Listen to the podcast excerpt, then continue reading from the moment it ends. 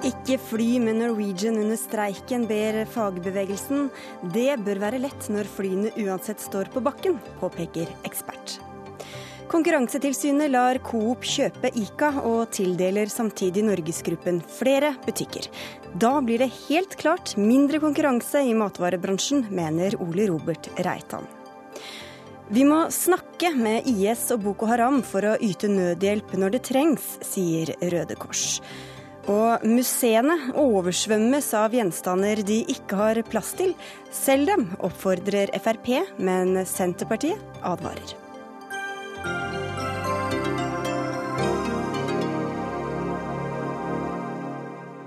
Dette er Dagsnytt 18 i NRK P2 og NRK2, hvor vi også får tid til litt thrillerpoesi før klokka er blitt sju. Jeg heter Sigrid Solund. Ja, 35 000 passasjerer rammes altså av streiken i Norwegian, som ble trappet opp i dag. Totalt 650 flygere er tatt ut i streik, 800 kabinansatte er permittert, og alle flyvninger i Skandinavia er innstilt. Samtidig oppfordrer arbeidstakerorganisasjonene Unio, YS og LO sine medlemmer om å ikke fly med Norwegian under streiken, fordi flyselskapet driver med streikebryteri, mener de. Verken Parat eller Norwegian ville delta i Dagsnytt 18 i dag. Eh, men nestleder i Unio, Solveig Kopperstad Bratseth, hvorfor ber dere medlemmene deres om å ligge unna Norwegian nå? Eh, bakgrunnen for det er at vi opplever at eh, de driver med streikebryteri. Og bakgrunnen for det er at vi ser at det flys inn piloter og fly. Og hvis Norwegian tar i bruk piloter som ikke er organiserte, og fly, så ser vi at det her klart tar, tar ut effekten av streiken. Og det er en lovlig streik som blir dreven av pilotene i Norwegian. Hvorfor er det, dette noe dere skal mene noe om? Fordi at det er et angrep på hele forhandlingsretten. og Når, når en organiserer seg sånn som bl.a. Norwegian gjør nå, eh, at eh, det pilotene ber om, det er å få en tariffavtale med morselskapet. Eh, men det får ikke de. De blir tilbudt en tariffavtale med et bemanningsbyrå. Torbjørn Lote, du er administrerende direktør i NHO Luftfart. Velkommen tilbake, får vi vel si til deg. Ja, Hva syns du om denne oppfordringa om å ligge unna Norwegian? Jeg syns jo det hele er litt pussig. Nå står jo de fleste flyene på bakken, så da er det jo egentlig ikke noe sak å diskutere. Da har ikke du noe fly å reise med. Selskapet blør. De svir på pungen. De taper store økonomiske eh, ressurser. Eh, det her svir. Det er en konflikt som virker. Eh, selskapet gjør en del tilpasninger som de sjøl mener er lovlige. Eh, vi har fått en redegjørelse for det. De organiserer interne ressurser i forhold til et annet selskap enn det som er i konflikt, nemlig Norwegian Air Norway, som er et driftsselskap. Der står alle flyene på bakken, så jeg skjønner egentlig ikke den oppfordringa der. Fly, det, det, blir helt feil. Er det ikke fortsatt noen fly som flyr internasjonalt med Norwegian? Men Det er helt andre selskaper enn det som er i konflikt. Eh, og det er lovlig å bruke andre underleverandører, og det har man gjort juridiske utredninger på. slik at eh, jeg skjønner ikke helt hva som er poenget med å oppfordre til å ikke fly eh, når flyene står på bakken i Norwegian Air Norway. Ja, og Det er jo nettopp det som er utfordringen, at dette her er prinsipielle spørsmål i arbeidslivet. Eh, og Vi ser også da effekten av det å organisere seg med flere eh, underselskap, slik som Norwegian gjør. Og Dermed så kan de hele tida på en måte si at det er ikke streikebryteri, de tar i bruk andre selskap. Men Bør man også ligge unna Norwegian på andre flyvninger enn de som er i streik? Altså... Det, vi, det vi har sagt er at vi ber våre medlemmer om å tenke seg om i forhold til om de skal bruke Norwegian under streiken eller ikke. Mm. Ja, Det er jo helt normalt å organisere et konsern i flere selskaper. Eh, og Da må man kunne drive den eh, ikke-streikeramma virksomheten på normalt vis. Det gjør Norwegian. Og jeg syns det, det, her er litt pussig, fordi eh, det som Unio går ut med, betyr jo på sett og vis en indirekte støtte for de kravene som skal vi si, norske piloter og Norwegian-piloter stiller her. Det betyr bl.a. at de krever tariffavtale som skal gjelde utenfor Norge. Hva slags situasjon vil vi ha da? Er det det Unio ønsker? At f.eks danske tariffavtaler skal gjelde i Norge. Det skaper jo en uorden i norsk arbeidsliv som vi ikke kan ha. Så de støtter egentlig en streik som er basert på at man ikke følger spillereglene fra norske piloter sin side. Man støtter også en gruppe mennesker som tjener tre ganger så mye som en lærer. Eh, slik at det er vondt for å se hva som er poenget med, med den oppfordringa. Gjør dere det? Nei, det, og Dette handler ikke om lønn. Det Men Stiller dere dere bak de kravene som Norwegian-ansatte har? Det vi stiller oss bak, det er at eh, vi opplever at det er streikebryteri, det som Norwegian nå gjør. Det er bakgrunnen vår. Så det er en protest vise... mot Norwegian mer enn en støtte til de streikende? Ja, det er absolutt en protest i forhold til Norwegian, i forhold til at vi opplever at det er en lovlig streik som pilotene nå har, og vi opplever at Norwegian eh, driver med streikebryteri. Men stiller dere dere bak de kravene som, eh, som ja, Norwegian-pilotene har? Ja, Det vi ser, det er at det er prinsipielt i forhold til hva vi har avtaler, eh, og at det kan få stor eh, betydning for andre internasjonale bransjer, også der eh, norske ansatte er. Ja, Hvis eh, nå pilotene ikke vinner fram med sine krav, hva tror du det kan få å si av ringvirkninger eh, på sikt da, for norsk arbeidsliv? Ja, Betydningen av det å være organisert kan eh, få betydning, iallfall. Mm. Det her er jo bare tull. Eh, alle pilotene eh, i Norwegian Air Norway er organisert. Eh, og de pilotene som blir brukt i andre land, de, de følger de spillereglene og den, den arbeidslivslovgivninga som gjelder der. Så det er jo ikke noe spørsmål. Her snakker vi om en konflikt i Norge, en norsk tariffavtale som skal gjelde i Norge. Og så går Uni ut med en, skal vi si, en oppfordring om ikke å reise med Norwegian, fordi de bl.a. krever fra pilotene sin side en tariffavtale som skal gjelde i andre land. Det blir jo merkelig at andre arbeidstakerorganisasjoner skal argumentere for det og støtte det. Det betyr jo at man risikerer at andre land også vil eksportere sine tariffavtaler til Norge. og Slik kan ikke vi ha det i norsk arbeidsliv. Så hvis de får gjennom det både Unio og pilotene selv ønsker, hva mener du det kan få, si, få av konsekvenser? da? Nei, Det betyr jo at vi får en uorden i norsk arbeidsliv ved at tariffavtaler plutselig skal kunne gjelde i andre land. Ved at, eh, at ansattegrupper kan kreve at de skal ha en tariffavtale som gjelder et annet selskap enn de er ansatt i. Og at enkelte grupper i samfunnet som, som er godt betalt og har svært gode arbeidsvilkår, skal ha en helt annen styring av bedriftens virksomhet enn f.eks. lærere har eller andre grupper i samfunnet. Så det, så det er en merkelig støtte, fordi det går langt utenfor ordninger som man har i i norsk arbeidsliv for øvrig, og som lærere f.eks. er kjent med. Hva vil dere oppfordre deres medlemsbedrifter og menneskene der å gjøre da, for de flyene som fortsatt går? Ja, jeg mener at man må reise der flyene går. og Selskapet har jo også et ansvar å ta vare på passasjerer. Det er mange som er ute i verden nå som er stranda, og som selskapet har et ansvar for å få hjem i henhold til den lovgivninga som gjelder for det. Så jeg syns det er pussig at Unio da argumenterer for at det skal ikke man gjøre. Man skal la passasjerene være stranda ute i verden. Ja, for du får svare på det helt til slutt. Eh, vi ser at tredjepart blir ramma, og sånn er det alltid under en streik. Og dette her er også en lovlig streik. Derfor er det vi vil vise solidaritet med de streikende i Norwegian. Foreløpig ser det ikke ut til at det blir noen løsning på konflikten med det første, i hvert fall. Tusen takk skal dere ha for at dere kom til Dagsnytt 18, Solveig Kopperstad Bratseth fra Unio og Torbjørn Lote fra NHO Luftfart. Det er ikke bare partene i denne konflikten som er uenige. Også de som står utenfor har ulikt syn på hvem som har rett. Er det Bjørn Kjos, eller er det flygerne? Espen Andersen, du er førsteamanuensis ved Handelshøyskolen BI. Først, Hva syns du om denne oppfordringen vi akkurat hørte om at eh, medlemmene i LO, YS og Unio bør eh, ligge unna Norwegian? Under streiken? Ja, det er jo nokså tomt utsagn, for det går ingen fly. Så du, du risikerer ja. ikke så mye ved det? Nei, eh, det har vel mer symbolbetydning enn noe annet.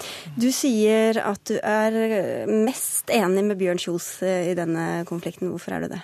Eh, altså, begge sider eh, har blåst seg litt for langt opp nå og bør nei, eh, snarest se å slippe seg litt lenger ned og begynne å snakke sammen. Det er altså Diskusjonen går jo ikke på penger, egentlig. Diskusjonen går på hvem det er som skal ha bestemmelsesrett over hva i selskapet. Og i et marked som er så konkurranseutsatt som, eh, som, flybransjen. Det er det tøffeste bransjen i verden å konkurrere i. Det er den som gir minst retur til eierne av alle bransjer i hele verden. Eh, så eh, kan man ikke ha en sånn situasjon at enhver strategisk eller enhver ny ting som skal gjøres, skal godkjennes av fagforeningene. Og det var det som nesten tok knekken på SAS. Og jeg tror Bjørn Kjos nesten overreagerer fordi han er redd for å havne i den situasjonen. Eli Moen, du er eh, professor ved Hansøyskolen B og også ekspert på luftfart. Hvem mener du har mest rett i denne konflikten? Eh, jeg syns det er vanskelig å, si, å, se på dette bare som eh, ene rett og den andre urett. Mm. Heller prøve å, å, forstå hvorfor aktørene agerer som de gjør. Ja, det er en sterk konkurranse i luftfarten. Den er ekstrem. Noe det er aktørene selv som bidrar til. Det er ikke noe sånn som bestiller På grunn av lave priser? Nei, altså det er de selv som konkurrerer og stadig driver kreativitet og utvikler nye måter å eller hva skal jeg si, senke kostnadene på. Da, for det er det det handler om i dette spillet. Eh, så de driver hverandre videre i dette spillet her. Og det er jo også opp til dem hvor, hvor langt vil de la det gå eller ikke. Men det er også bare kort kommentar til at eh, ingen tjener penger. Jo, det er en del flyselskaper som også tjener penger. Bl.a. Uh, lavprisselskapene. Ryanair.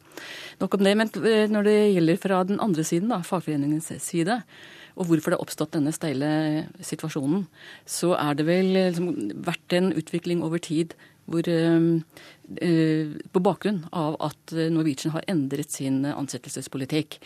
Og eh, i land utenfor Skandinavia, i Norden, som Norwegian rekrutterer eller bruker sine, som, blant sine ansatte, så går det gjennom bemanningsbyråer. Eh, og det er vel det som ligger til eh, grunn, eller ligger under frykten hos pilotene, at eh, dette først er så skjøvet over i et datterselskap, og at det neste trinn er over i et bemanningsselskap. Og hva er det, hva si, hva er det som er det på en måte utfordringen eller problemet med det. havner man i et bemanningsselskap, så har man ikke lenger ofte fast ansettelse i sin ytterste konsekvens, med alt det det vil innebære av mindre trygghet, sikkerhet, eh, mm. rettigheter osv. Og, så og også lønnsmessige forhold. Og Med det i tankene så sier Andersen her at de, de fagforeningene kan ikke få bestemme hvilken struktur selskapet mm. skal ha. Hva sier du til det, da? Eh, nei, det er altså det, det er det det går på, og som fra selskapets side blir fremstilt som at det, det, det går på at de skal bestemme det. Det er vel ikke det de skal bestemme, men de ønsker å ha en fast ansettelse i det selskapet som de jobber for. Ikke nødvendigvis at de skal bestemme over selskapsstrukturen som sådan. Styringsretten er også ikke, den er ikke absolutt i noe land, eh, i hvert fall ikke i Norge, hvor det er arbeidsmiljølov og våre tariffavtaler som også har sterke begrensninger i eh, den såkalte styringsretten. Syns du at eh, pilotene opptrer uansvarlig i den situasjonen?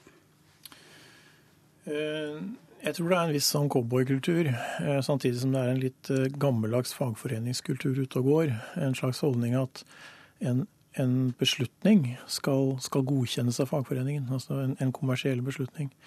Um, jeg setter det litt på spissen, men, men det, er, det, er, alltid en diskusjon hva som skal skje. Altså Hvis du ser på hva som har gjort Norwegian, eh, som ligger bak Norwegians suksess, så er det etter mitt skjønn to ting. Eh, bortsett fra at de har vært veldig flinke med IT. Men en av de, de to tingene som har gjort dem eh, vel, for, til å få suksess, er at for det første at de flyr hvor de vil. Uten å være bundet av gamle kontrakter og, og, sånne ting. Så de har kunnet fly alle disse direkterutene f.eks. fra Trondheim til NIS. Eh, fordi at det vil ikke SAS gjøre, fordi at de forsøker å kjøre all utenlands, sydgående utenlandstrafikk gjennom eh, København. Det andre er at man innad i, i Norwegian-konsernet har hatt en veldig brede arbeidsoppgaver for alle som jobber der. Så eh, en som er i flyet, kan også selge billetter. altså eh, man har ikke klart definerte stillinger, men folk gjør eh, mange forskjellige ting. Eh, og, og legger du eh, hvis, hvis, du får for mye av en tradisjonell, altså den gammeldagse fly, flyfagforeningskulturen inn der sånn, så, så, kan selskapet miste mye av den hurtigheten i, i beslutningene som gjorde at det fikk suksess til å begynne med. Du, ja, at det kan være farlig å gi fagforeningen for mye? Jeg har jo forsket en del på dette her, da. Ehm, og en, det som er avgjørende i denne lavprisbransjen, det er at man eh, har kontroll over kostnadene. Og der har Norwegian fram til eh, i fjor vært eh, i toppklasse. De har kontinuerlig kunnet redusere kostnadene fra år én omtrent og fram til da i fjor. Eh, det har de særlig, en særlig viktig faktor. det er også det samspillet han har hatt med de ansatte. Ansattes bidrag i å øke effektiviteten og dermed produktiviteten. Eh, sånn at eh, kostnadskuttet er ikke gjennom lønnskutt, men gjennom det at ansatte bl.a.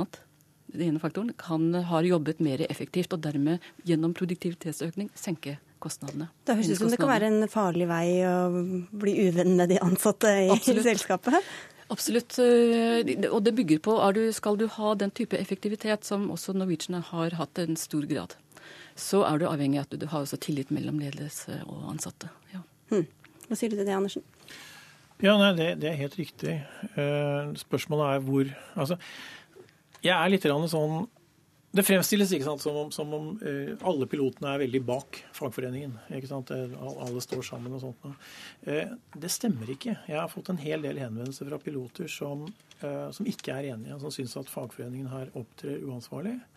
Um, som også er ansatt i Norwegian? Som også er ansatt mm. i Norwegian, og som, som, som føler seg presset. Uh, sier at, at den, den, solidariteten som er der, er ikke der med mindre du er enig med flertallet.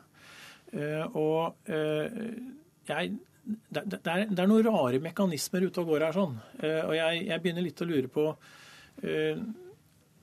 fagforeningens interesse versus medlemmenes interesse versus solidariteten med alle de andre. Jeg syns det klinger veldig hult når svært godt betalte piloter bruker en retorikk som, altså, som, som er forbeholdt uh, mye mer lavtlønte. Jeg hadde skjønt det for de kabinansatte. De har mye mer å tape. Pilotene har et internasjonalt arbeidsmarked med sammenlignbare vilkår. Eh, ja, det er også interessant å trekke inn det internasjonale markedet. Fordi det som eh, i tillegg som er i ferd med å spre seg da, som eh, såkalte nye ansettelsesformer, i tillegg til bemanningsbyråer er, så, er, at piloter de har også, praktiserer også Norwegian på sine langdistanse. Det er at de må operere som selvstendig næringsdrivende. Mm. Og det er de Eh, og de forholdene som lønns- og arbeidsbetingelser og sikkerhet som knytter seg til det, eh, det er kanskje ikke en helt enkel verden å forholde seg til. Det er i hvert fall ganske ulike virkelighetsoppfatninger eh, der ute. Ikke helt lett å vite hva man skal tro på, eller ja, Men det lar seg dokumentere. Ja, ja, ja det var ikke sånn ment. Jeg mener fra partenes side, i hvert fall. Nei, men du, vi får si takk. Det blir flere anledninger til å snakke om dette. Takk skal dere ha, Elimon og Espen Andersen, begge fra Handelshøyskolen BE, for at dere kom til Dagsnytt 18. Takk.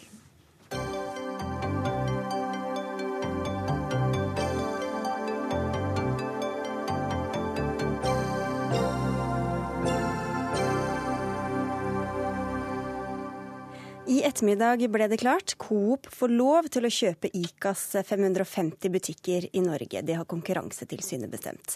Ica har eh, slitt lenge med tap her til lands. For to år siden forsøkte de å inngå en avtale med Norgesgruppen, men avtalen ble ikke godkjent. Det ble derimot sammenslåinga med Coop, forutsatt at Coop selger 93 av sine egne butikker til konkurrenter. Og en av dem som får kjøpe, er Norges største dagligvareaktør, Norgesgruppen. Og dette likte du dårlig, Ole Robert Reitan. Du er sjef for Reitan-gruppen, som bl.a. driver Rema 1000-butikkene. Hva er det du misliker?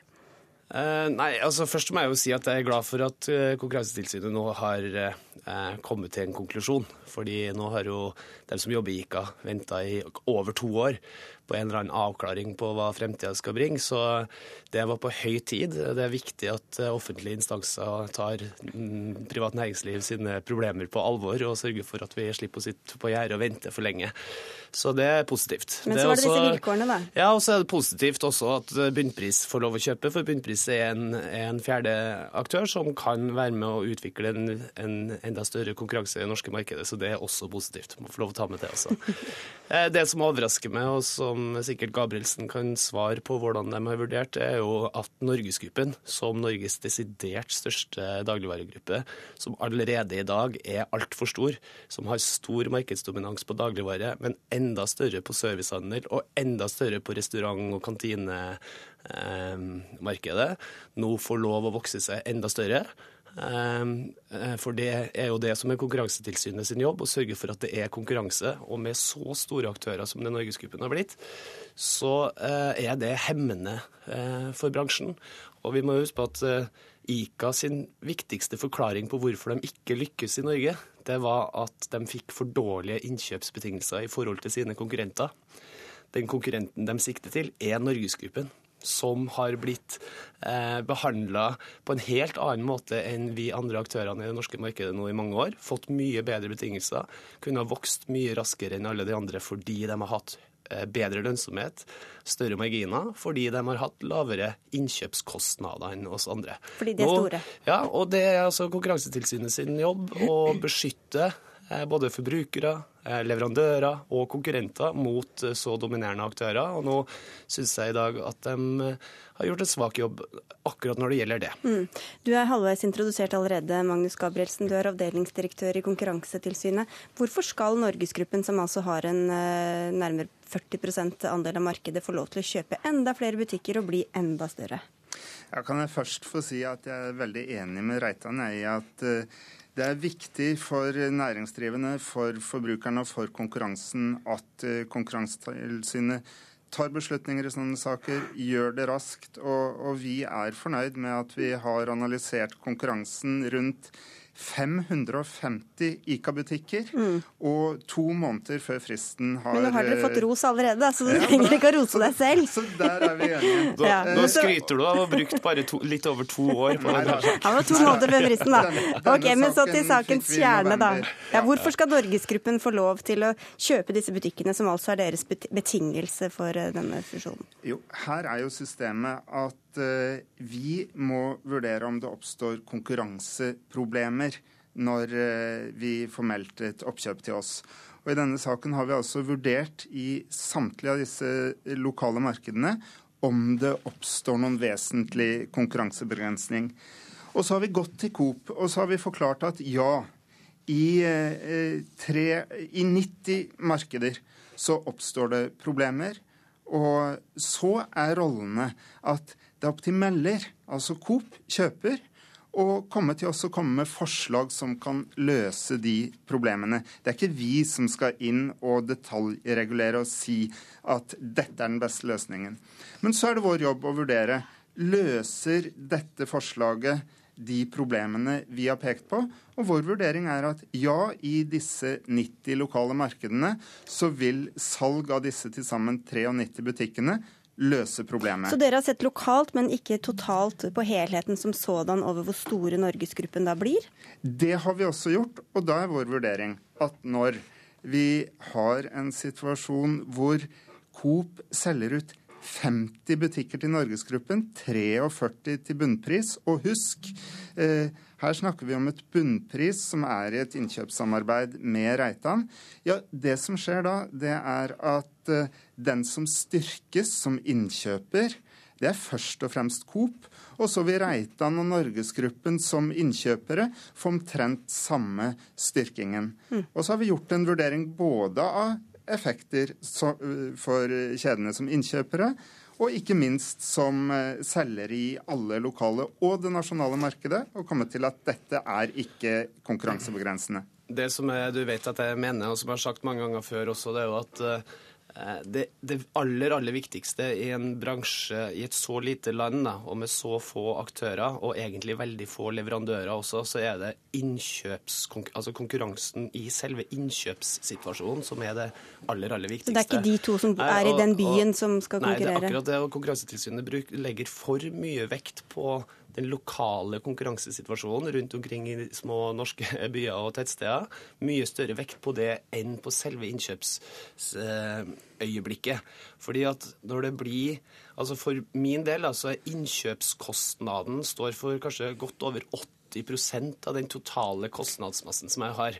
Og Hvis det blir eh, så stor forskjell på innkjøpskostnaden mellom eh, Rema 1000 og vår konkurrent Norgesgruppen, så er det et leve eller ikke leve. Eh, fordi, og da blir det mye, mye viktigere. så Derfor har jeg også sagt det flere ganger at om kooperasjonen hadde fått 60 og 70% markedsandel i enkelte lokalmarked, det er helt ufarlig. Det som er farlig, det er at én aktør blir så uforholdsmessig mye større enn de andre. Gabrielsen, Hva slags konkurranse blir det da, sånn totalt sett? Det, det jeg er litt forundret over i Reitans argumentasjon, det er at eh, når vi ser på virkningen av oppkjøpet, inkludert utsalg av butikker, så er det jo først og fremst Coop som blir en sterkere innkjøper, og så vil Reitan bli sterkere. Og Norgesgruppens økte innkjøp det endres faktisk litt mindre enn Reitans, fordi at omsetningen til de butikkene bunnpriskjøper, er faktisk større enn det Norgesgruppen får. Så her forrykkes ikke balansen i Norgesgruppens favør. Den forrykkes i Coops favør, og så får Reitan og Norgesgruppen på, da, det samme. Ja, men eh, det er jo Konkurransetilsynet sin jobb å passe på at én aktør ikke blir for stor. Og akkurat sånn som det er i det norske markedet nå, så er jo Norgesgruppen allerede for stor. Eh, det er jo ikke problemet at Coop blir større eller at vi blir større. Det som er problemet, er nettopp at Norgesgruppen blir større. Og da må vi ikke bare se på eh, dagligvaremarkedet, for du har også nødt til å ta med eh, KBS, altså kiosk bensinstasjon, og du har nødt til å ta med hotell, restaurant og kantine. Og summen av det da blir Norgesgruppen for store. Og da blir det, det mindre konkurranse og ja, dyrere varer for forbrukerne. Det er helt riktig, for over tid så vil det gjøre det vanskelig å konkurrere med dem i det hele tatt. Men, og på et eller annet tidspunkt blir det én aktør igjen, så har i hvert fall ikke Konkurransetilsynet gjort jobben sin. Det er ikke det dere vil, Gabrielsen, helt til slutt her. Og igjen, jeg er forundret, fordi at det er altså ikke sånn at Norgesgruppen styrker sin posisjon relativt til de andre. Coop styrker sin posisjon, og de andre får en viss økning. Men det må være Konkurransetilsynet sin jobb å passe passe på at én aktør ikke blir for stor, og i dag så har den største aktøren blitt enda større. Og de to andre har styrket seg, og Coop har styrket seg mest. Reitan litt ja. mer enn Ja, dere får litt dere også, Reitan. Du ville kanskje gjerne hatt alle butikkene selv? Ja, og så vil jeg alltid ha siste ordet. Ja, ikke sant? Å, da skal vi ikke ødelegge for det. Få, og dette er en god dag for forbrukerne, som har fått en rask avgjørelse i en viktig sak. Da får jeg ta siste ordet, da. Takk skal dere ha for at dere kom, begge to.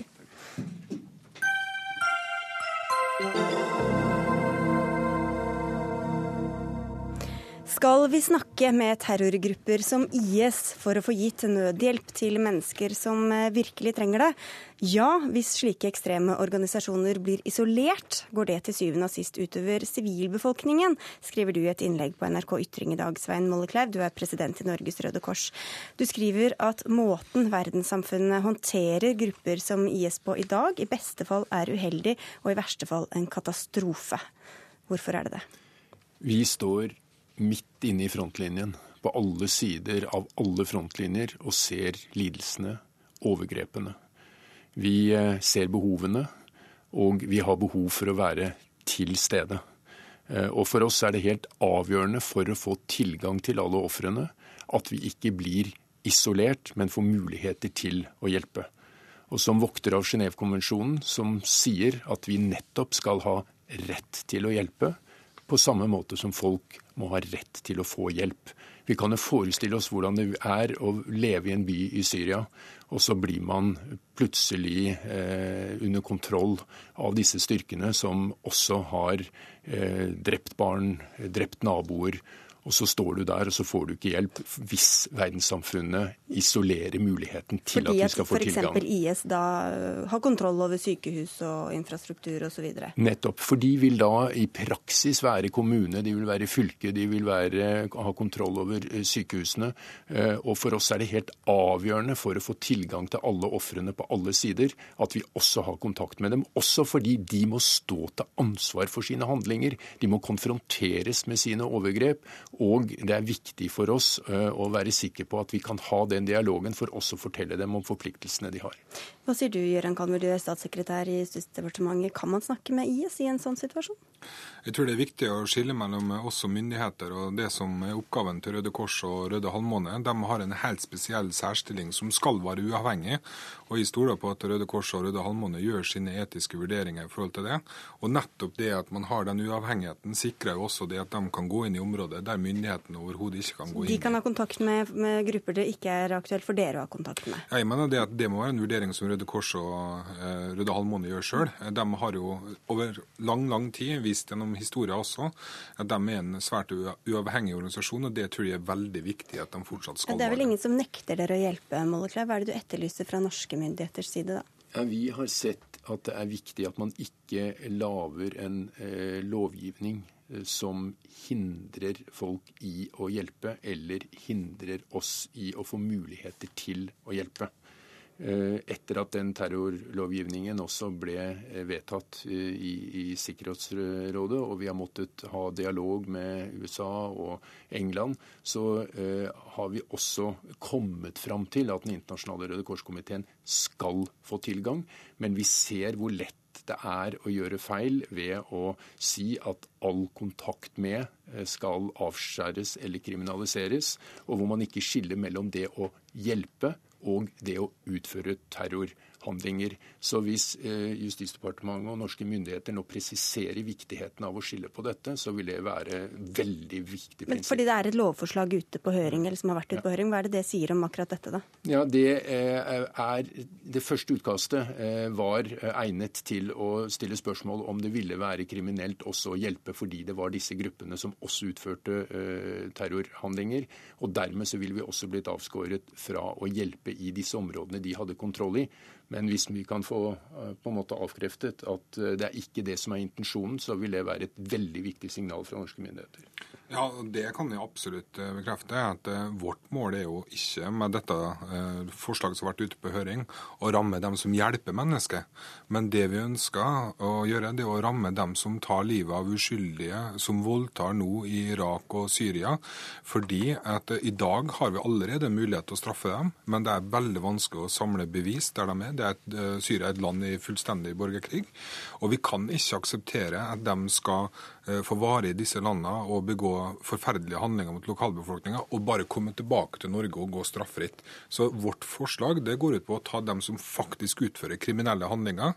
Og da er det veldig viktig å skille mellom dem som er i en del av en væpna konflikt, og dem som da er hjelpearbeidere, som f.eks. gjennom Røde Halvmåne i Syria.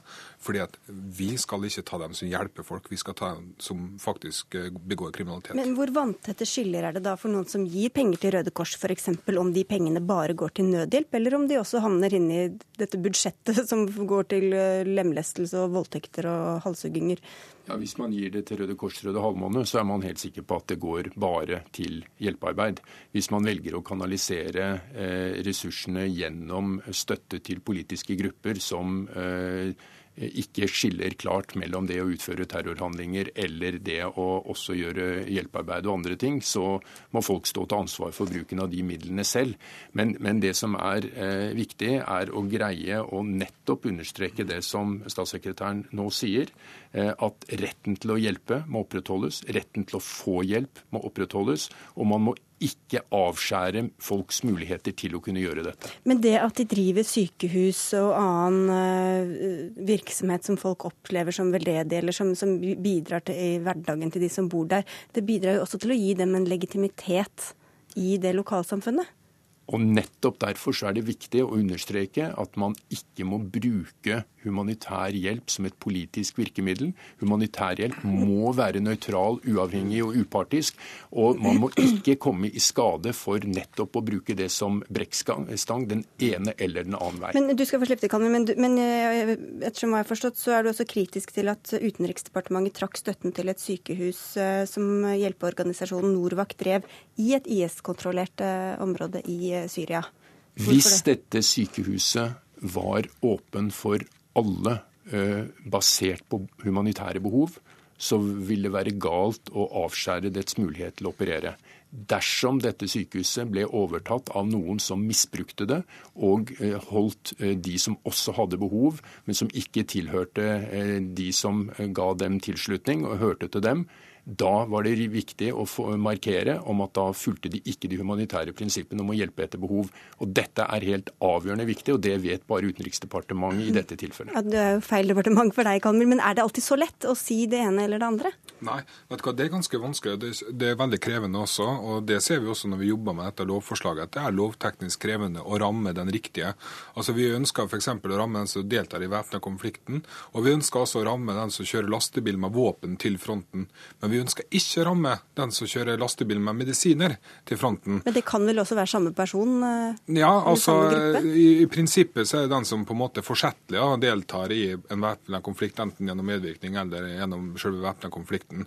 Men jeg tror det er veldig viktig at vi også har en god dialog med hjelpeorganisasjonene. fordi at er det en ting som er ekstremt viktig i en væpna konflikt, så er nettopp det at med en gang man har på seg Røde Kors-merket eller Røde Halvmåne-merket, så skal også alle andre vite at dette er en ubevæpna person. Dette er en person vi kan stole på faktisk skal hjelpe andre. Og dessverre så har vi sett Terrorister de bryr seg ikke om Genévekonvensjonen, de bryr seg ikke om sånne ting. Og Det er en felles utfordring som vi har.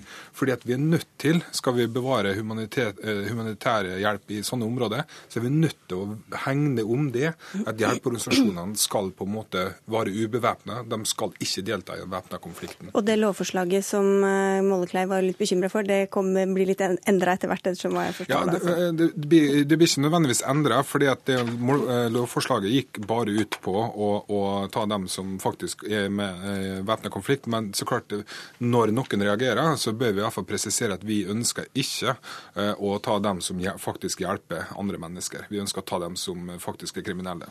Jøran Kalmer og Svein Mollekleid, takk for at dere kom til Dagsnytt 18.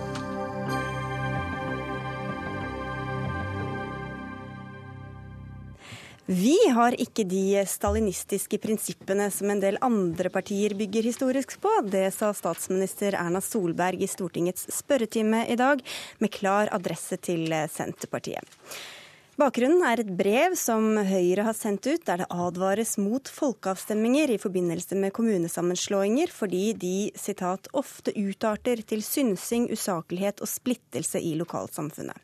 Senterpartileder Trygve Slagsvold Vedum, du tok dette opp i spørretimen i dag, og mener at Høyre med dette motarbeider lokaldemokratiet. Hvordan da?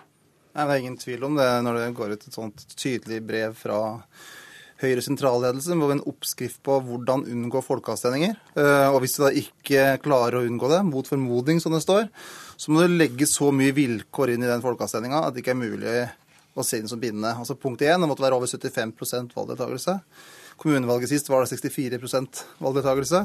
Punkt to, over 60% måtte da støtte, eller være imot en sammenslåing hvis man i det hele tatt skulle ta seg bryet med å høre på det. Så, så Høyre frykter jo folket. Og jeg syns det er veldig rart at Høyre gjør det, for de sier jo at den reformen er så genial.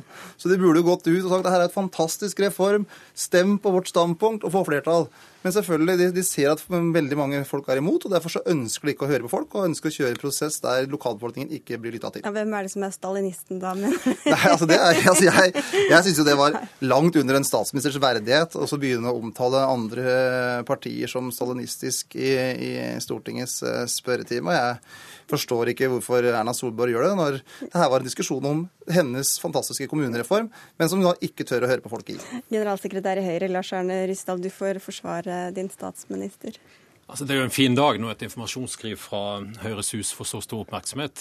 Um, hennes, uh, hennes uh, skråblikk på stalinisme var basert seg nok på det at uh, det er sjelden at vi sender ut noe som er instrukser til lokalforeningene. Dette var basert på at det var bedt om råd til hvordan forholde seg til, til de diskusjonene som går ute. Men Hvorfor sender dere da et brev som fratar folkeavstemninger den all troverdighet gjennom denne ordbruken?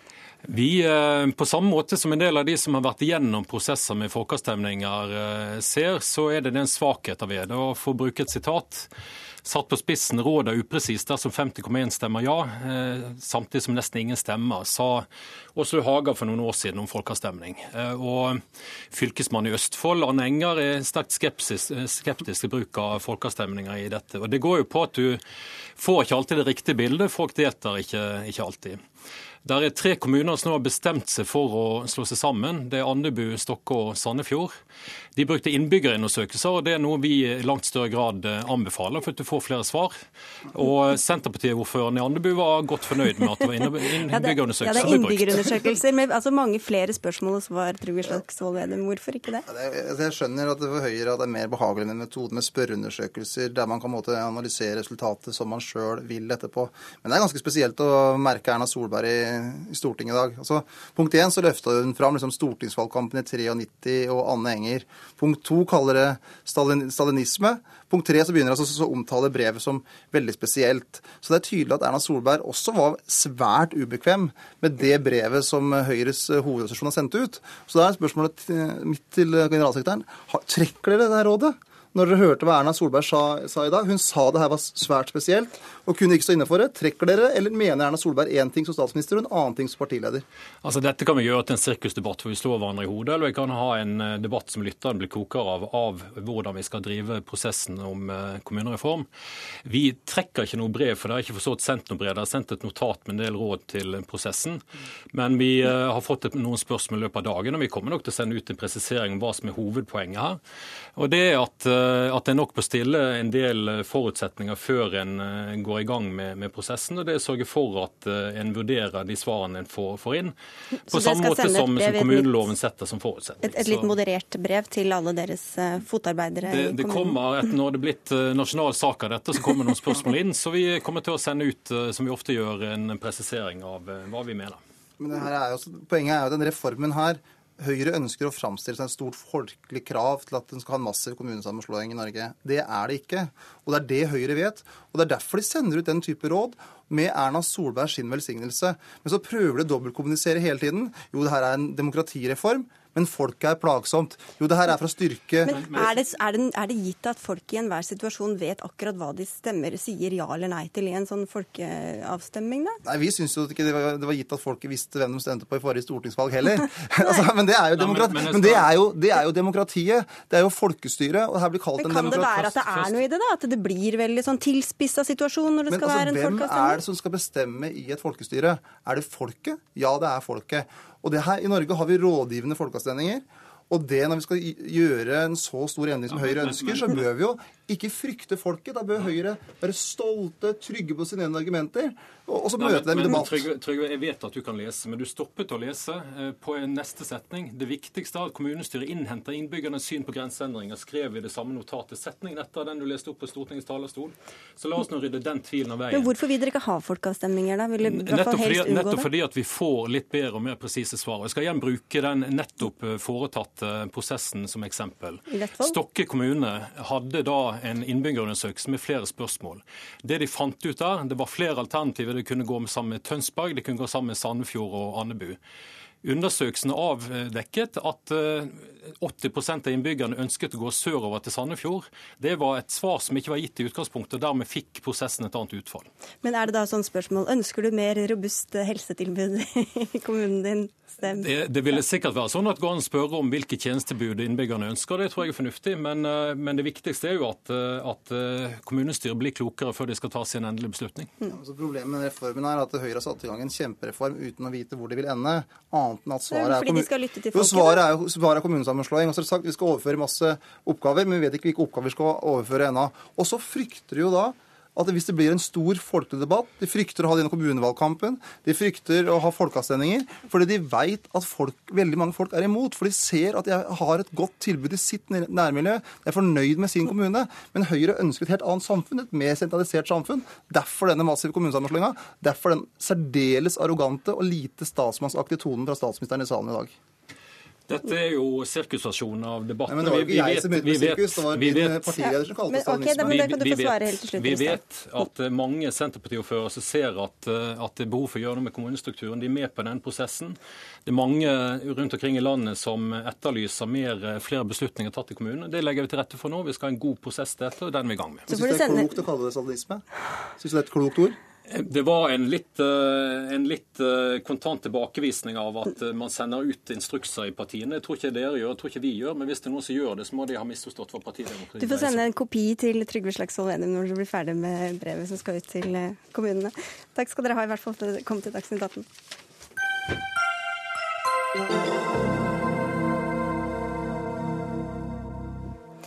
Det er duket for eh, drap og frykt og spenning i Oslos eh, gater i morgen. Da inntar nemlig Krimfestivalen byen for fjerde gang. Så skulle du befinne deg i hovedstaden de nærmeste dagene, bør du kanskje se deg litt ekstra over skulderen, eller hva, festivalsjef eh, Knut Gørvild? Nå er det stort sett fiksjon, oh. så jeg tror ikke det er så skummelt. Men det er klart det, ja, det er over 60 krimforfattere som kommer til festivalen, og det er 50 forskjellige arrangement. Så det vil bli et mylder av ting og spennende opplevelser. Ikke minst på Sentralteatret, hvor det er teater. Der kan det nok være sånn at du blir eh, redd og skvetter litt. Men hva ønsker dere med denne festivalen? Det vi ønsker er jo å sette, eh, få utforsket hva er det særegne ved nordisk krim. og så sette den i et internasjonalt perspektiv. Og det morsomme, men nå med norsk og nordisk krim, er jo at den er ja, mange sier 'look to Scandinavia', at den er ledende også i verden. Men det er jo ikke mangel på krimbøker, og vi leser veldig mye krim på bekostning av andre bøker, vil kanskje mange mene. Hvorfor trenger vi en ytterligere feiring av kriminallitteraturen? Ja, det er mange av oss som ikke tror noe på det med 'på bekostning av'. Den som er glad i å lese, leser som regel også masse annet. Så det vi ønsker å gjøre, er å stimulere til all mulig lesning. Og akkurat nå før påske så er jo det den norske tradisjonen, at det er påskekrim. Derfor så, og Det skjer ikke så mye annet heller, så da er det om å gjøre å stimulere for lesning. Det er eh, mange kjente trekkplastere på festivalen, samt et eh, pseudonym. Mm. Lenin og McCarthy har gitt ut verdens første samling av eh, thrillerlyrikk. Men nå faller masken, som det vel heter i denne sjargongen. Og mennene bak pseudonymet er Ingvar Ambjørnsen og deg, Tom Stalsberg, journalist og forfatter. Hei, hei. Lenin eller McCarthy? Det kommer an på dagsformen. Det er helt klart. Altså Thrillerdikt, det er en nokså ukjent uh, sjanger? Ja, det var det for oss også. Helt til for 14 dager siden så fant vi ut at hvorfor ikke prøve å gjøre det. For jeg visste at Ingvar Ambjørnsen, vi snakka om dette for et par år siden, at han satt med noen dikt. Han leser veldig mye, men han er jo krimanmelder nå også i Dagbladet. Og der driver han og tar ut gode formuleringer og toner fra bøkene. Så har han lyst på å være lyriker også. Så jeg fant ut at jeg har forsøkt eh, å begå noen thrillerdikt, men det har blitt liggende i skuffen. Kanskje disse burde ha vært liggende i skuffen også. Nå er de ute. Vi kan jo gi lytterne en sjanse til å bedømme selv. Du får lese et dikt, da. Ok. Jeg kan fortsatt høre dunkene fra hodene deres på steingulvet. Det samme gulvet gang etter gang, år etter år. Jeg trodde jeg var prikkfri inntil jeg begynte å nynne til stemmene inni hodet mitt. Nå er vi sammen om det, stemmen og jeg. Vi skal ut igjen i kveld. Bare vi to. Og henne, da. Hun som alltid går ut fra sykehuset rundt midnatt med blikket vendt mot det hun ikke vet skal komme. Hva syns du, Gerbil? Jo, bra. Jeg har jo vært så heldig å være redaktør for denne samlingen, og det har vært kjempemoro også fordi det har vært et pseudonym sånn at det har vært en gåte fram til da i dag. Men Edgar Allan Poe var vel også inne på noe av oh, ja, det, er, det, er ikke, det, er ikke så banebrytende? Nei, det er ikke banebrytende. Og Lennon og McCarthy er to musikere også som driver i. New Mexico. Så. Men vi må få lov å ha det litt bestialsk morsomt. da. Det er ikke bare Salsberg og Annbjørnsen, det er Unni Lindell, Gunnar Staalesen. Jo Nesbø lanserer ny bok i dag til litt blanda kritikker. Han kommer også innom festivalen deres. Ja da, og han eh, skal jo ha et, eh, vi skal ha et stort arrangement på lørdag, hvor også Eirik Jensen kommer, som jo er eh, politimannen som er nå også siktet for korrupsjon. Sånn at vi har jo en Men Bare for å dvele litt ved det. Hvorfor skal, eh, hvorfor skal dere være talerør for en siktet politimann? Nei, vi er, vi er ikke noe talerør. Dette er en god tradisjon i Norge at vi lar folk kunne snakke fritt. Og han kommer nå med en bok som er kjempespennende, om sitt politiliv. Og da var det jo naturlig Han er jo en slags virkelighetens Harry Hole. Og Spørsmålet er jo da selvsagt om han har gjort noe eller ikke. Det tar jo ikke vi stilling til. Han er ikke nå satt under tiltale ennå, så han må få lov til å komme med sin versjon. Ellers er det mange kjente navn da, eh, som ikke trenger noe drahjelp fra en sånn festival. Eh, kanskje Hvorfor er det så mange etablerte navn på plakaten deres? Ja, Selvsagt det er fint at det er noen kjente, så folk eh, får lyst til å komme. Men vi har jo så å si rubbel og bit av norske krimforfattere her. da. Det er over 60 forfattere. Og jeg ville tro at det store publikum kanskje bare kjenner til 40 av dem. Så dette er nettopp den blandingen som vi ønsker. At man blir tiltrukket av det kjente, kanskje. Og så får man også mange nye, flotte bekjentskap, forhåpentligvis.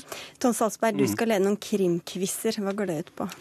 Nei, Jeg er litt over middels opptatt av, av, quiz i utgangspunktet. Så har jeg gitt ut en krimquizbok sammen med kollega Fredrik Vandrup. og Det har vi gjort en to-tre år. og er, Der er det både forfattere og et høyt nivå på kunnskap om uh, unyttige ting. Altså alt fra romnummer på Harry Hole brukte da han var i Thailand, til uh, Så det er, det er litt, litt, underholdende på kvelden. Vet du svaret, eller? Nei, ikke akkurat det. Og jeg har, jeg har, ofte problemer der på fredagskvelden, så det er bare å komme. Men uh, det er ikke så lett å svare på alle spørsmålene. Men det kan også være nervepirrende øvelse for forfatterne selv? Ja, vi skal også ha en krim... Det syns jeg er veldig morsomt. Vi skal møte to forfattere der vi har gått gjennom bøkene deres og stiller dem til veggs på hva de husker fra sine egne bøker. Det er jo alltid interessant. Det er ikke alltid husker, men noen av dem husker ganske mye. Men bortsett fra quizen, så er ikke du egentlig så engasjert i krim? Krim er jo drittkjedelig. Nei, men i all verden. Thrillerlyrikk er i hvert fall spennende, da. Du har noen dager på å overbevise ham på, da. Ja.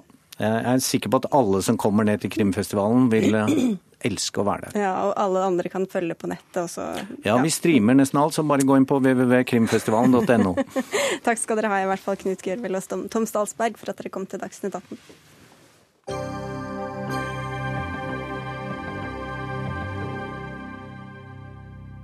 Museumsgjenstander hoper seg opp i norske museer som ikke har nok penger til å ta vare på eller stille ut hele samlingene sine. Svaret er enkelt, mener Fremskrittspartiet. Selv unna det du ikke har plass til, og få penger til å passe på resten. Ib Thomsen, du sitter i familie- og kulturkomiteen for Fremskrittspartiet. Hva er det museene skal kvitte seg med? Nei, vi vet jo at det er store magasiner i de fleste museer. Vi som har reist rundt og sett på Museum-Norge, så ser vi at vi kommer til flotte museer. Men 10% av, nei, 10% av gjenstandene er utstilt i museene. Og resten, altså 90% ligger da på lager og i magasiner. Det kan jo være at de bytter litt på, da, hva de stiller ut. De bytter nok på, de men har... eh, det er spørs om man skal ha ti gamle vever, om man har behov for det, eller fire eller ti øsekar eller tilsvarende.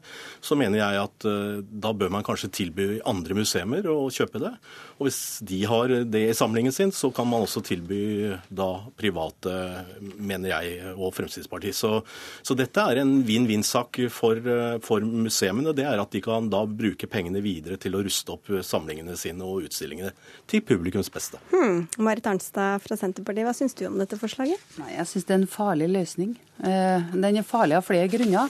Den er farlig fordi at eh, hvis en sektor som trenger mer ressurser, mer økonomiske ressurser, skal, gjøre, skal i stedet for å få de ressursene fra samfunnet, skal gjøres avhengig av å selge eh, museumsgjenstander til private, så tror jeg det er en veldig farlig vei å gå. Så tror jeg også at det er en del museum som nok bør bli mer selektive på hva de tar imot av gaver fra folk. Der er jeg enig. Men når museene har tatt imot en gave, så vil jo den som har gitt den gaven, ofte mene at gaven da skal tas vare på. Og Hvis den gaven da blir videresolgt f.eks. til private samlinger, så tror jeg mange vil føle seg veldig dårlig behandla. Hvis du ser den liggende ute på Finn sånn to måneder Ja, det ville vært helt Det ville vært helt feil, altså. Jo, men Jeg tror det er helt motsatt av det hun sier. Det er akkurat det at folk ønsker eller gir en gave til et museum, så ender det i et magasin og ligger nærmest der og råtner og blir ødelagt. Da må det være bedre at det blir utstilt noen steder i andre museumer, og at private aktører kan få kjøpe det. Også museer i utlandet har muligheter for dette her. Og Vi har jo også gått så langt og sagt at dette med utlån, utleie av bilder f.eks., når vi vet at Nasjonalgalleriet har 4000 bilder liggende på lager, men 700 utstilt, ja hvorfor ikke låne dem ut og tjene noe penger? også? Jo, og det er noe helt annet. Mm. Det er noe annet, og der er det mange grunner til å tenke nytt. Mm. Eh, altså, og jeg mener også at museum kan uh, bytte gjenstander seg imellom, eller, eller, eller, og den type arrondering er helt OK. Altså, det er jo sånn at Jeg kommer fra et område i landet der som var veldig sterkt i vikingtida. og Det ligger utrolig mye vikingskatter nedstøva i lager både i Trondheim og Oslo fra Nord-Trøndelag. Og I Nord-Trøndelag så ønsker jo fylket at mer av de gjenstandene skal tilbakeføres til Nord-Trøndelag og stilles ut der. Og de er også villige til å bruke ressurser på det. Og det har Senterpartiet tatt opp i Nord-Trøndelag. Vi hadde jo en stor gjenstand som heter Dalheimspenna, som er en gjenstand fra 500 år etter Kristus, som da ligger på Kunsthistorisk museum i Oslo.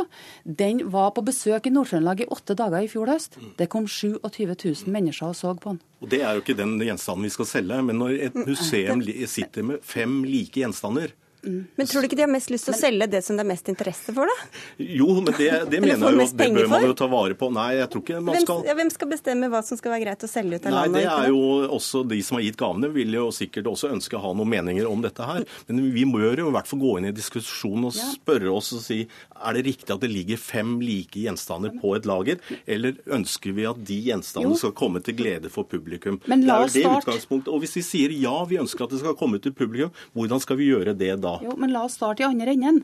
La oss starte med å se på f.eks. hva som ligger i Oslo og Trondheim og Bergen som kan tilbakeføres til regionene. Ja. Hva som kan utveksles mellom museer. Eh, må f.eks.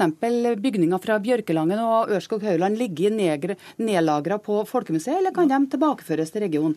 Eh, så kan du selvsagt også vurdere, vurdere forholdet til private, men jeg syns ikke salg til private må framstå som en løsning der du skal bruke det som finansieringskilde, i stedet for at det offentlige offentlige skal tilføre ressurser til sektoren. Det blir livsfarlig, både for museumssektoren og for oss politikere. Ja, for Hvor stor andel skal dette utgjøre, mener du, av finansieringen til museene? Nei, Det har jeg ingen formeninger om. Det kan være null. Man kan gi det gratis til andre museer også. Altså, Hovedpoenget til Fremskrittspartiet det er at gjenstandene kommer ut og blir vist. Og ikke, alltid, stab, men, og ikke, ligger i stabler. Men, men, men, da, er du veldig avhengig av at akkurat den som sitter ved makta i det, eller har, styrer det museet, vet nøyaktig hvor, hva som kommer til å være interesse for om ti år? Det er jo det regelverket som Stortinget bør i hvert fall sette seg ned og diskutere. Men når man ikke er villig til å diskutere og sier at vi syns det er greit sånn som det er i dag, vi syns det er greit at ting ligger på lager og ikke blir vist fram, så har man en defensiv holdning til dette. Og Jeg mener akkurat at vi bør gjøre det motsatte. Diskutere hvordan kan vi få flere gjenstander ut. Jeg mener også at museer rundt omkring i Norge bør bli tilbudt disse eh, samlingene før man går ut og selger det. Men dette er jo en sånn trinnvis. Hvis ingen museum ønsker å ha de eh, gjenstandene fordi at de har nok av øsekar ja, Spør hva etterspørselen er blant de, blant de altså- private for å kjøpe den tiende veven. Altså. Altså, jo, men Hvis dere syns at det er greit at det ligger på lager og råtner og ødelegger istedenfor at det kommer ut til Ingen som syns at det er greit at det ligger på lager. Og jeg tror at nettopp det med tilbakeføring til regioner og det å utveksle mellom museum er en veldig god ordning. Mm. Men, men, problemet eh, oppstår jo når Ib Thomsen og Frp sier at du kan selge til private samlere for å få finansiert f.eks. nye utstillinger. Det, det syns jeg er en dårlig løsning. fordi at hvis hvis, du, hvis, sektoren er underfinansiert, så bør vi diskutere hvordan vi skal øke ressursene ja, til man, sektoren. Men hva er det som er galt med at man selger noe av det, hvis man ja, har mye er, likt f.eks.? Det som går galt med det, for det første at jeg er jo ikke sikker på om det er akkurat det er så attraktivt å selge det som du har veldig mye av fra før av. Det er ikke det som nødvendigvis er det mest attraktive å selge. Men, og risikoen for at du selger noe som eh, enten annet museum har bruk for, eller som noen regioner eller områder i landet har ønske å på en måte kunne ha, eller noe som er gitt deg i gave av folk, og som de syns vil være uheldig. Hvis det er lenge siden du har fått det i gave, da, og noen private ønsker å kjøpe det, f.eks. For, for å stille ut selv? Er det noe galt i det? Ja, men altså, du har jo mista kontrollen på den gjenstanden og de gjenstandene som du selger til private samlere. For du kan jo ikke pålegge private samlere verken å gjøre det tilgjengelig eller synlig. Du kan heller ikke hindre videresalg av det, f.eks. Så jeg syns at det er en farlig strategi å gå. Og hvem vet hva som kunne blitt solgt ut for 100 år siden? Nei, Vi vet jo at Norge har tilrøva seg ting rundt omkring som vi nå deler tilbake ja. til Kina f.eks. Men utgangspunktet mitt er jo da som sagt det å få gjenstandene ut til publikum, ikke ligge på lager. Én, mm. tilby andre norske museer gjenstander for at de kan kjøpe det, som de andre museene kan bruke pengene til å oppruste sine samlinger. Og hvis alle museer i Norge sitter med samme øsen, så syns jeg man skal da kunne gå utenlands eller til private aktører aktør og si Ønsker dere å kjøpe et øsekar? Eller eh, så da har man liksom gjort Hvis en først skal tenke nytt og fargerikt på dette området her, så syns jeg, jeg, synes jeg ikke det er nytenking å skulle selge til private samlere. Men jeg syns at det å finne nye måter å stille ut ting på, sånn at det blir interessant for folk, det har vært artig. Den der Dalheimspenna som er nevnt, den ble stilt ut i et kjøpesenter. Det var derfor det kom 27 000 mennesker i løpet av helg. Nei, de var og så på det. Og det er altså tre ganger så mange som kommer til museet på Egge Norge på Steinkjer i løpet av et år. det. Og det, det, gjør ting mer tilgjengelig på nye måter. Det kan vi godt diskutere. Men å drive og selge det ut til private, det er å starte i feil ende. Hvordan tror du det står til med øsekarinteressen hos kinesiske oppkjøpere? Nei, Jeg vet jo at det er jo no, no, rike norske kjøpmenn som driver og samler på små stabburer rundt omkring. Det kan hende de ønsker å ha noen øsekar også inn i det. Så, så, men jeg mener jo at, at bare å få diskusjonen i gang, bare å få Senterpartiet på banen her, for de har jo ment at det har vært greit sånn som det har vært hele tiden. Og under deres periode så, så vedtok vi også på Stortinget dette med å, å kunne låne ut, leie ut. og det er jo et skritt... Men diskusjonen fortjener at vi gjør den til mer enn spørsmål om noe øsekar, altså. For det er store og viktige kulturhistoriske ja, verdier. At Senterpartiet vil diskutere det er også positivt, syns jeg. Altså, dette... jeg, får, jeg, får, ta på meg øsekarskylda. Du, du, får ta veven på deg, og så har du beltespenna. Vi får avslutte der. Tusen takk skal dere ha, Ib Thomsen og Marit Arnstad. Dagsnytt 18 er over for i dag. Vi er tilbake i morgen igjen til samme tid. Det var Berit Ytrehus som hadde ansvaret for innholdet i sendinga. Finn Lie var teknisk ansvarlig og i studio var Sigrid Elise Solund.